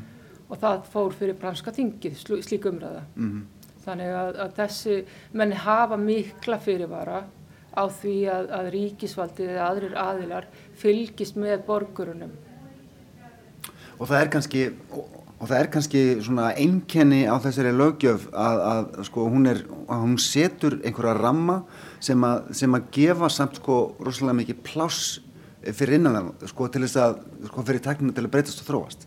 En, en sko þessar grundvallar reglur það er einhvern veginn veist, eiga að halda Já og, og það er gert ráð fyrir í gerðinni að, að hvert ríki sé með svona svo kallar sandkassabókstar sem að fyrirtæki geti komið og í raun og veru prófa sig gagvart regluverkinu uh, til þess að þau viti hvar þau standa mm -hmm. og svo náttúrulega er það bara mismundi hvað er eftir hversu, til hvers teknin er notuð um það hversu mikið eftirld á að vera með hvort það sé nóg að það sé eitthvað svona sjálfsvottun eða sjálfsstaðfesting í það að vera undir ströngu regluverki. Sko, þú myndist á það áðan að Európa-sambandið ruttið að vissu liti brautina til minnst hvað var það persónavend uh, með gerðinni sem kom til uh, fyrir nokkur mánum síðan, GTRP. Uh, síðan þá, sko, hafa verið teknist slægi við Google, það hafa verið teknist slægir og standa enn við Twitter uh, sem heitir núna X. um, sko, sko sérðu fyrir þér að, að, að, að þessi tekni sko, þessi risar mm. muni í rauninni sko, þú veist í rauninni samþykja að, að, að, vinna hér eftir þessum reglum sem að, sem að núna er í svona, sko, sem að núna er í farvatninu? Sko, það fyrir eftir hvaða tæknið þeir eru að þróa, menn hafa þetta, fyrirtæki hafa ólíka sína, ólíka hagsmunni. Ég held að þó ef þú talir við stjórnmendur stærstu fyrirtæki heims þá séu, sem er að vinna í þessum geira, þá séu allir sammála um það að það þurfa að setja regluverk og þetta sé tækni sem að sé allra hagur að sé rammað inn hvað megi og hvað megi ekki. Mm -hmm. En það er búið að erfitt, þetta eru mjög ólík fyrirtæki sem þú nefndir þarna, þannig að það er kannski erfitt að svara því beint hvað, hvað, hvernig þau munu, eða hvernig þau líti á þetta og enda erfiðar að því að, að þar sem að gerðin er ekki endalega kláru þá er ég eftir að sjá nákvæmlega hvernig rammin er verður endanlega útferður mm. með, meðal annars með tilliti til þess hvaða hömlur verði settar á fyrirtæki og eða ekki þannig að, að hérna, en ég held að um, þú finnir fáa sem er að vinna annarkort í regluverkinu eða í tengslum við þessa tækni sem að muni haldaði fram að það sé æskild að hafa lítið sem ekkit regluverk utan að vita. Við, erum, við þurfum, þurfum á regluverkinu að halda til þess að halda trösti á á tekninni. Mm -hmm. Saði Sólei Mortens hér í Brussel um daginn. Við verðum með lengri útgáfa að hennar viðtali, eða viðtala við hana í fæslu undir merkjum Európa-glugans sem að byrtist á rúf.is síðar í dag.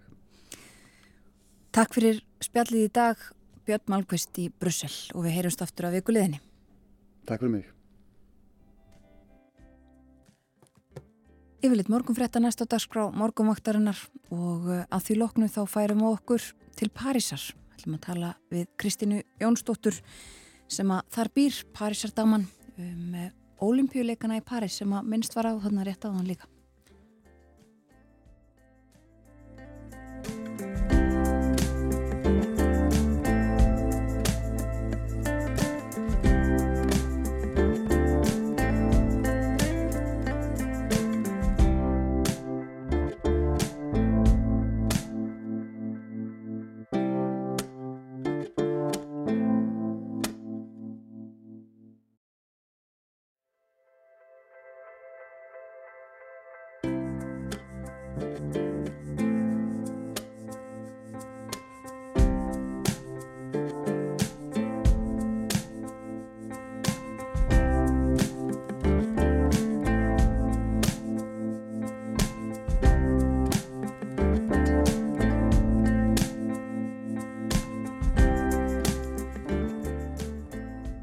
Ný, þetta er morgunvaktin á rás 1 og klukka núna réttliðilega hálf nýju. Eins og framkom í frettaðiflitinu hér áðan þá höfðu Svandi Svavastóttir matvalar á þeirra sendt frá sér tilkynningu, yfirlýsingu, uh, skrifaði á Facebook fyrir uh, rúmri klukkustund um kvalveði uh, málinn og margir hafa beðið eftir því að hún og þau í Vafki upplýstu hvernig þau höfðust taka á þessu málum bregðast við áliti umbóðsmanns frá því fyrir fáinum vikum og viðbræði núna sérsagt komið fram. Og í þessari fæslu segi Svandís Svavastóttir ráði með neyti mitt hefur rínt álitið, álit umbóðsmanns og lögfræðileg niðurstaða þess er svo að það gefi ekki tilitin til sérstakra viðbræða. Það er í samræmi við niðurstöðu umbóðsmanns en hann beinir ekki sérstökum tilmælum um úrbætur til mín umfram það að hafa sjónamiðin sem framkoma í álitinu í huga til framtíðar. Engu að síður hef ég ákveðið eftir framtí. 1. Að fela óháðum aðila að fara yfir stjórnsýslu og laga umgjörð kvalviða þar með talið alþjóðlegar skuldbindingar ríkisins og valdheimildir stjórnvalda á þeim grundvelli Álitskjafi verði jafnframt beðinum að gera tilugur að úrbótum eftir því sem við á og eftir atveikum tilugur að breytingum á lögum. Og nummið tvö að þela ríkislögumanni að leggja mat á framkomið erindi kvals þar sem félagið óskaði eftir viðræðum við ríkið um mögulegt uppgjör vegna álitsins. Og svo segir Svandís, ég grýp til þessara skýru viðbræða í ljósi þess að Mikilvægt er að stjórnmöld beri virðingu fyrir eftirlitstofnunum og síni það í verki. Umbóðsmaður alþingis gegnir mikilvægur hlutverki í eftirliti með stjórnsýsluríkisins í okkar líðræðis samfélagi. Og þessi færsla Svandísar hófst eða hefst á þessum orðum álit umbóðsmanns alþingis hefur verið mér mikið umhugsunar efni bæði sem stjórnmálamadur og embætismadur Það er hverjum ráð þeirra þungbært þegar álit umbóðsmanns leiðri ljós að ráðstafanir séu ekki eins og best verður á kosið. Í þessu tilviki að útgáfa reglugerðar um kvalveðar hafi ekki átt sér nægilega að skýra stóð í lögum eins og aðtökum var hátaði í júni. Og um þetta verður rætt í dag og uh, þingfundur hefst svo klukkan þrjú eins og framöfu komið. En uh, nú að allt öðru, það er hálft ári að ólimpíuleikarnir hefjist þeir fara fram í París að þessu sinni og uh, verða settir 20. og 7. júli. Í símanum hjá okkur er Kristín Jónsdóttir í París, kennari þar og leðsögumæður Parísardaman. Heil og sæl og góðan dag. Já, sæl og blessu. Það er heilmikið mál að halda ólimpíuleika vona á held ég uh, meira en 10.000 íþróttamönnum til keppni og með þeim auðvitað mikið fylgdalið og uh, svo koma áhörvendur og uh, gestir og talið að þeir verði þrjár til fjórar miljónir. Þetta kallar á undirbúning trú ég. Já, ég hef nú heyrt tölunni 15 miljónir flygt hérna en það talið að mjög mikið að frökkum komið til borgarinnar þó er alltaf ekki beint að vera á ólimpíuleikunum. Já. það, er, það er svolítið stress í gangi verið að undirbúa veisluna. Já. Og uh, já, í hverju hefur þessi undirbúningur falist helst? Já, þannig hefur þess að það er búið að byggja upp tvö frekar stór hverfi annars vegar Ólimpíu þorpið sem maður mun taka mútið íþróttafólkinu og svo hérna Bladamannaþorpið Þetta er hérna í tveimur bæjarfélögum, eða já, nokkrum bæjarfélögum hérna rétt utan við borgina, já. norður af borginni, milli, milli, milli Roissi, Sjáldu Gólflúvallar og, og Parísar. Í Sandinni, þannig að nálegt uh, stóra leikvanginum okkar. Og já, svo er náttúrulega aðalega ennþá bara á tekniborðinu allt sem verður gert við París. Það er þess að, hérna, Það verður töluvert af íþróttaviðbyrðum í París sjálfri innan borgamúrana og meðal annars náttúrulega opnarnarháttíðin á Signu sem hefur munvalda miklu raski á borginni en það verður nú reynd að hafa það stutt. Þetta mun hafa heilmikil áhrif á daglegt líf borgarbúa? Já, þetta, það er mikið stress í gangi og, og hérna og svona pyrringur skakvart þessu frekar heldur en einhver gleði finnst mér hérna hjá bæriðabúum Já, það er svolítið Já, flestir eru bara mjög neikvæð frakkar eru náttúrulega svona skeftískira eðlisfari. Og hérna vilja, vilja frekar alltaf byrja á að segja nei áður en að segja já. Þannig að ég hef stundu verið að reyna að taka svona Íslendingin á þetta og segja hvað, er þetta ekki bara gaman? En, en hérna flestir eru svona frekar skeftískir en það er náttúrulega, sko, það sem er alveg öruglega jákvægt fyrir okkur öll, það er að það hefur verið unni mjög hörðum höndum að því að ebla almenni samgöngur á milli bæjarfélagana utanum París sem hefur alltaf verið vandamál. Alltaf bara þessi mið, miðjuvæðing, þú veist að maður þarf alltaf að fara inn til borgarinnar til að fara yfir í næsta bæ. Og hérna Það er búið að vera að leggja hérna, hérna svona sporvagnakerfi og fleira sem að mun síðan bara nýtast okkur mjög vel og verður spennandi að sjá svona hvernig hérna kemur út allt saman og, og náttúrulega svolítið spennandi að sjá sko þessi tvö hverfi sem sagt, bladamannaþorpi og, og íþróttaþorpi verða sem sagt síðan bara íbúðar og skrifstofu hverfi þegar að olimpíuleikunum líkur. Það var alveg lagt upp með það frá upphafi að byggja sem minnst eh, hérna, til bráðabera, byggja sem minnst sem er því síðan reyfi. Þannig að þeir kalla þetta hérna, eritage eða arfleifð, þannig að það verður, verður arfleifð ólimpíuleikana nýtanleg fyrir þessi bæjarfjölu. Mm. Það verður nýr miðbar í samtin ný sem að hérna, þessi, þetta ólimpíuþorp og og svo framvið. Þannig að það verður líka mitt spennand að sjá hvernig, hvernig stokkast upp úr því, hvort þetta verði svona flott og æðislegt eins og þetta lítur út á þessum tölvumyndum sem er að eina sem við höfum aðgangað eins og er. Og hérna... En þetta eru nokkuð þúsund íbúði vantarlega sem eru restar?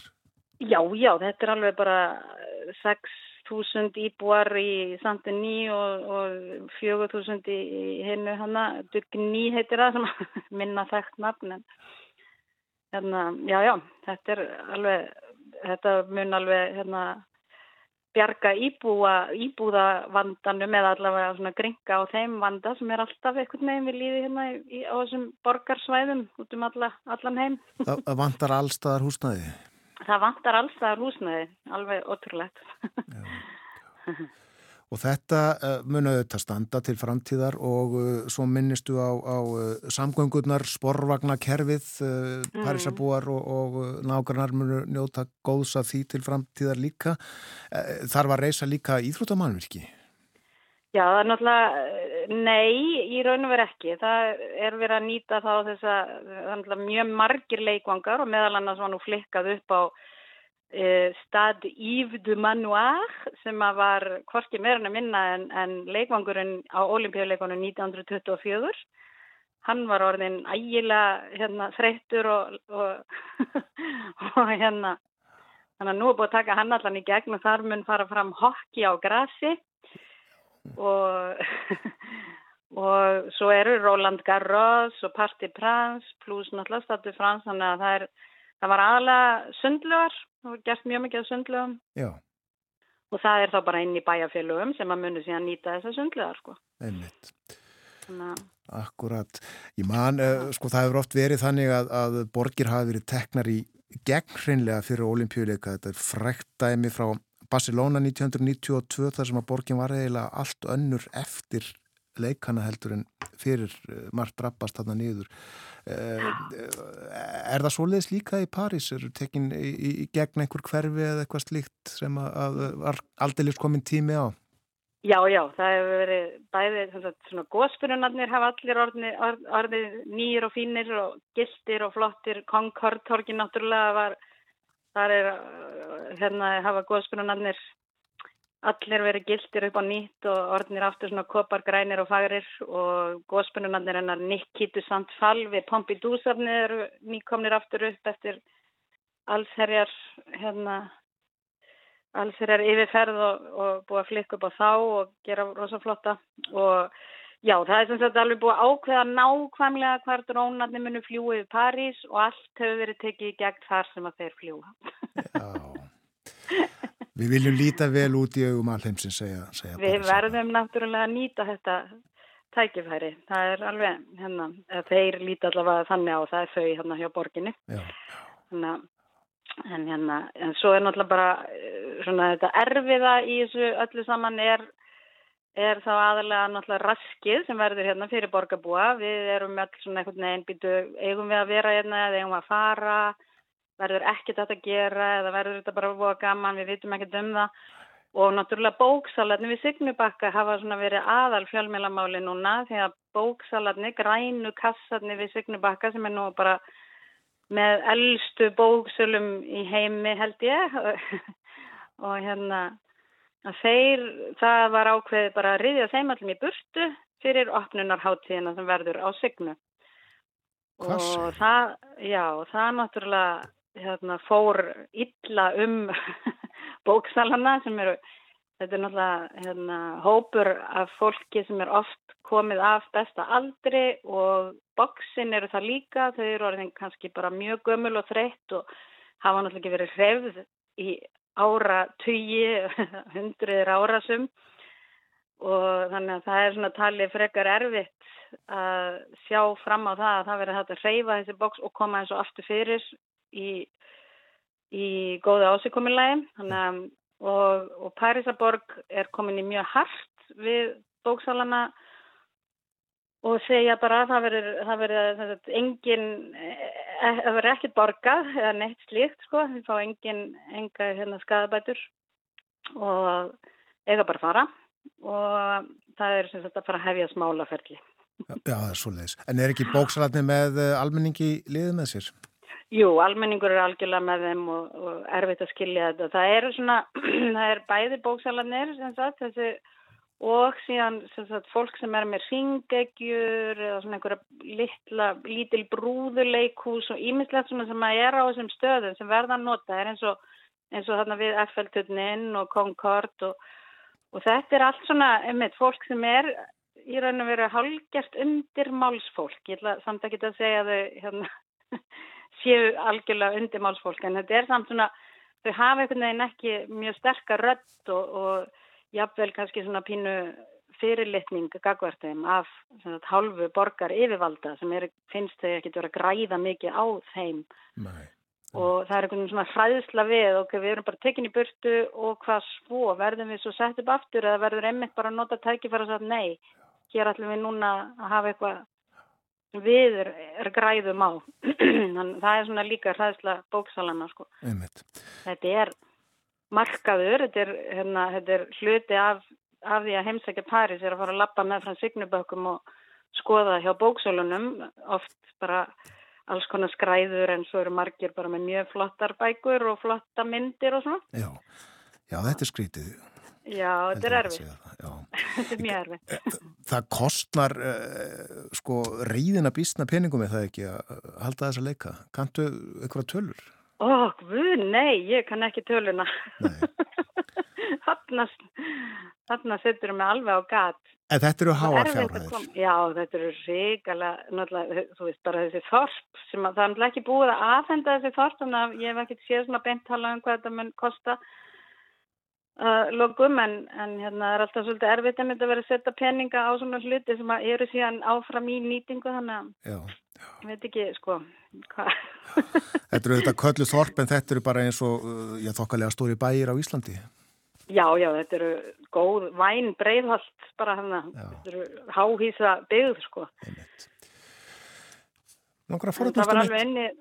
Það var unni í samstarfi við hérna, íþróttafólk, það voru 53 íþróttamenn sem eru vanir að vera ólimpíuleikum hérna, teknir í viðtöl, hvað á að vera í svona ólimpíuþorpi og þetta verður vist og smart. Já, það er gott, gott. Já, ég ætlaði að spyrja þig um, um frúarkirkjuna, kom upp þetta eldur í henni fyrir hvað, fimm árum eitthvað svo leiðis og uh, hefur ekki verið unnið hörðum höndum við endurbætur á henni?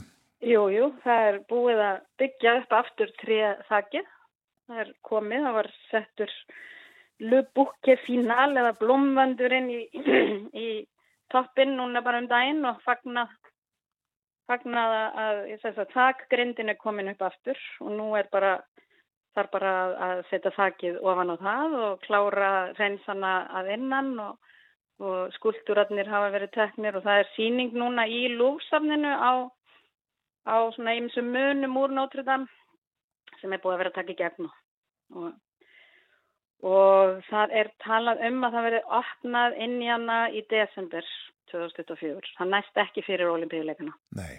Já, já. En hún mun, hún mun líta vel út á hérna, drónamyndum. Já. það er nú gott. Drónamyndirnar, þær eru aðalmálið. Þa, það er mjög mikið, veist, það er einmitt þessi sem kemur á móti kostnaði, sko. Já, en áhugavert á að skuli segja að, að Parísabúar, þeir eru ekkit uh, sérstaklega ánæði með þetta, þetta mikla tilstand. Og, og óttast bara uh, nánast innrás fólks allstaðar aður heiminum og annar staðar frá Fraklandi líka verður kannski ekki, ekki gott og þægilegt að, að spóka sig um göttunum heima þarna meðan á leikunum stendur. Nei, hann er að verða, sko, bara miðborg Parísar er bara að byrja að loka núni í apríl sem sagt fyrir bílaumferð á stórum svæðum í kringum eins og Concord-torki og það sem að verður svona verður, verða miklar, miklar svona bráðabyrra byggingar Já. og og smátt og smátt mun bara já, borgin svona hálf lamast út af þessu í svona sérstaklega, það eru sérstaklega verið þá að taka bíla, það er alveg, þeir eru mjög hardir á því að þeir muni ebla hjólastíga og hjólaleðinar verða allar og hafnar og, og almenni samgöngunar verði betri og hérna, þannig að fólk á bara, þá bara hvetja fólk til að nýta almenni samgangur og leggja bílónu sínum sem er bara því besta mál finnst mér, personlega en, en hérna en það er nú ekki skoðun en uh, sko þessu bara, ég minna, já til dæmis leiðsögumenn eru mjög áhugifullir að því að aðal tekjulindin eru þessar hérna rútuferðir um borginna og, og miðaverði í öll söfn hefur hækka gríðarlega það fór úr, úr sagt, 15 upp í 22 efrur í lúfur og núna bara 1. janúar og, og um, já, þannig að það er erfiðar að selja vöru sem hækkar svona hratt. Já. Og hérna, þannig að það er svona margir, margir punktar í þessu erfiðir og já, einmitt fólk sem að þarf að vera sendibílum og slikt, sko.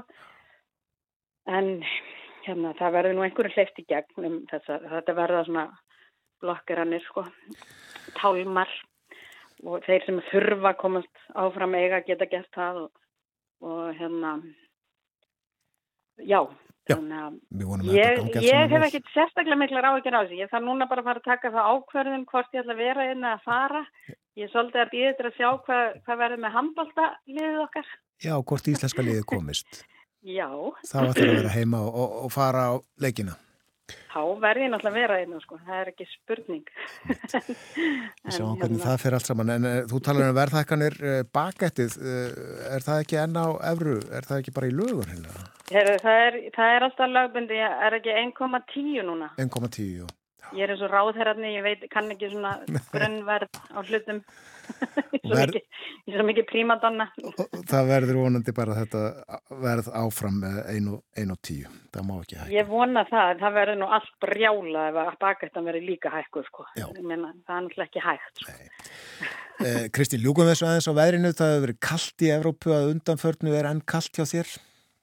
Nei, það er bara, kuldin fór frá okkur í gær, kom bara einn að hita bylgja yfir okkur og það er 14 steg hit í dag. Það var nú eitthvað spáð sól en það er rigning núna og ég horfði bara bókstala á snjóin hverfaðin og brekkunum í kringum mig á svona kortir í gær. Ég var mjög svegt, ég vaknaði, var allt hvít og svo bara kortir í síðar var allt farið. Þú vilt hafa snjó. Ég vildi snjóin, sko, mér er svo gaman að horfa á Paris að búa fást við svona erfitt verkefni eins og þryggja sentimetra lag á snjó. Það skemmti mér gríðarlega mikið. Það er einmitt það. Við segjum þetta gott í byli. Við heyrums kannski aftur þegar nær dregur. Olimpíuleikarnir hefjast þarna 27. júli. Já, endilega. Ta Þakka þið fyrir að vera með okkur á morgunvaktinni í dag. Já, takk sem er leiðis. Bless, er helsa heim. bless. Bless, bless. Kristín Jónsdóttir í Paris. Já, uh, það er alls konar skoðanir uppi um það. Hvort þetta sé gott eða slæmt að uh, halda olimpíuleikana í Paris.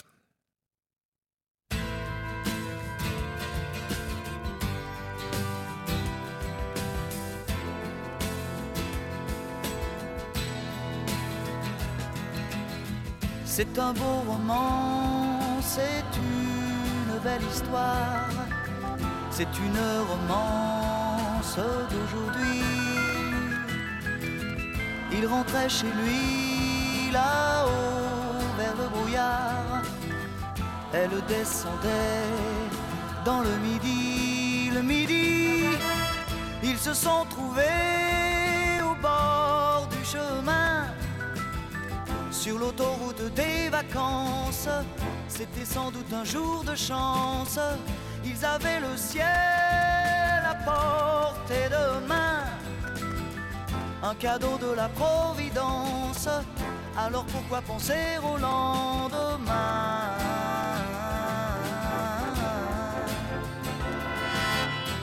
Ils se sont cachés dans un grand champ de blé se laissant porter par le courant, se sont racontés commençait.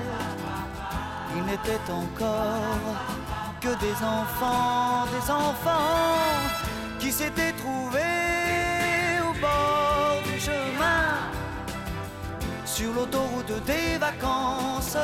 C'était sans doute un jour de chance qui cueillirent le ciel au creux de leurs mains, comme on cueille la providence, refusant de penser au lendemain.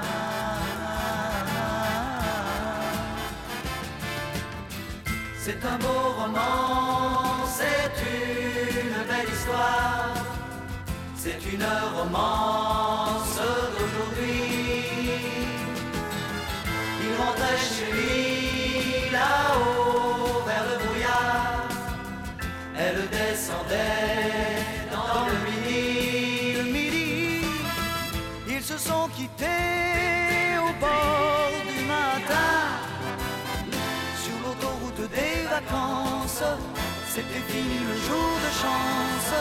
Ils reprirent alors chacun leur chemin.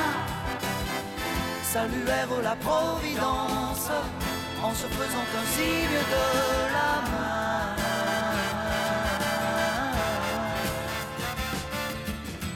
Il rentra chez lui là-haut vers le brouillard.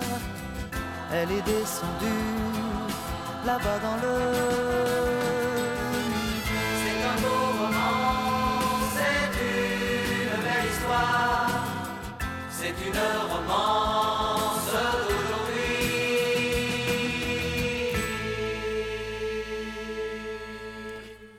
Franski tónar hér á morgunvartinni. Já, Michel Foucault og lægið Un belle histoire. Falleg saga, þýðist það.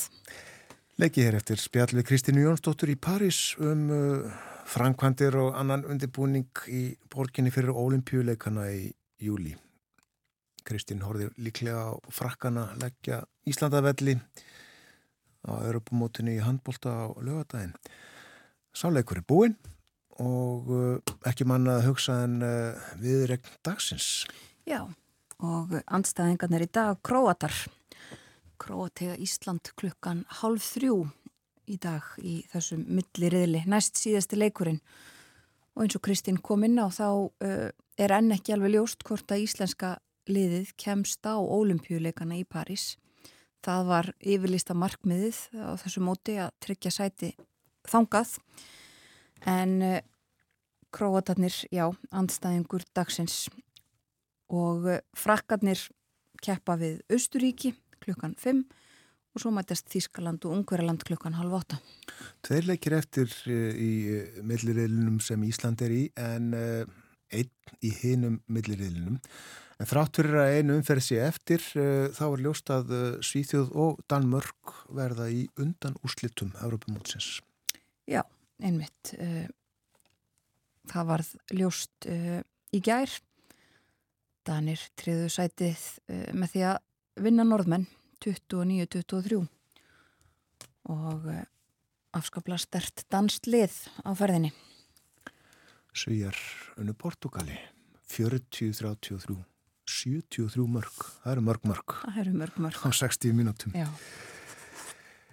en þetta er með lokið, klokkan er alveg að verða nýju Já, við hefum setið hér frá því snemma í morgun Björn Þóru og Þórun Elisabeth og verðum aftur á okkar stað í fyrramálið. Morgunvaktin helsar þegar klukkuna vantar 10 mínútur í sjö. Við þakkum samfélgina í dag, vonum að njótið dagsins. Verðið sæl